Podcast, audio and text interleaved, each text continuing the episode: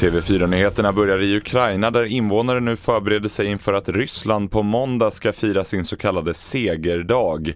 Vi hör TV4-nyheternas utrikesreporter Johan Fredriksson på plats i Odessa berätta mer. Så det är ju ett väldigt spänt läge och alla förväntar sig någon form av upptrappning. Till exempel här i Odessa-området så kommer man införa ett utegångsförbud. Ingen får röra sig utomhus från klockan eh, nio på kvällen imorgon till klockan, tror det är sju på morgonen på tisdagen. Så det är ett, eh, ett och ett halvt dygns utegångsförbud där alla måste hålla sig hemma om man inte har uppgifter som till exempel sjukvårdsuppgifter eller andra eller militära uppgifter. Samtidigt vädjar FN om att hamnarna runt Odessa måste öppnas. Omkring 25 miljoner ton spannmål som skulle ha exporterats har nämligen fastnat till följd av att hamnarna i Svarta havet är stängda enligt FN.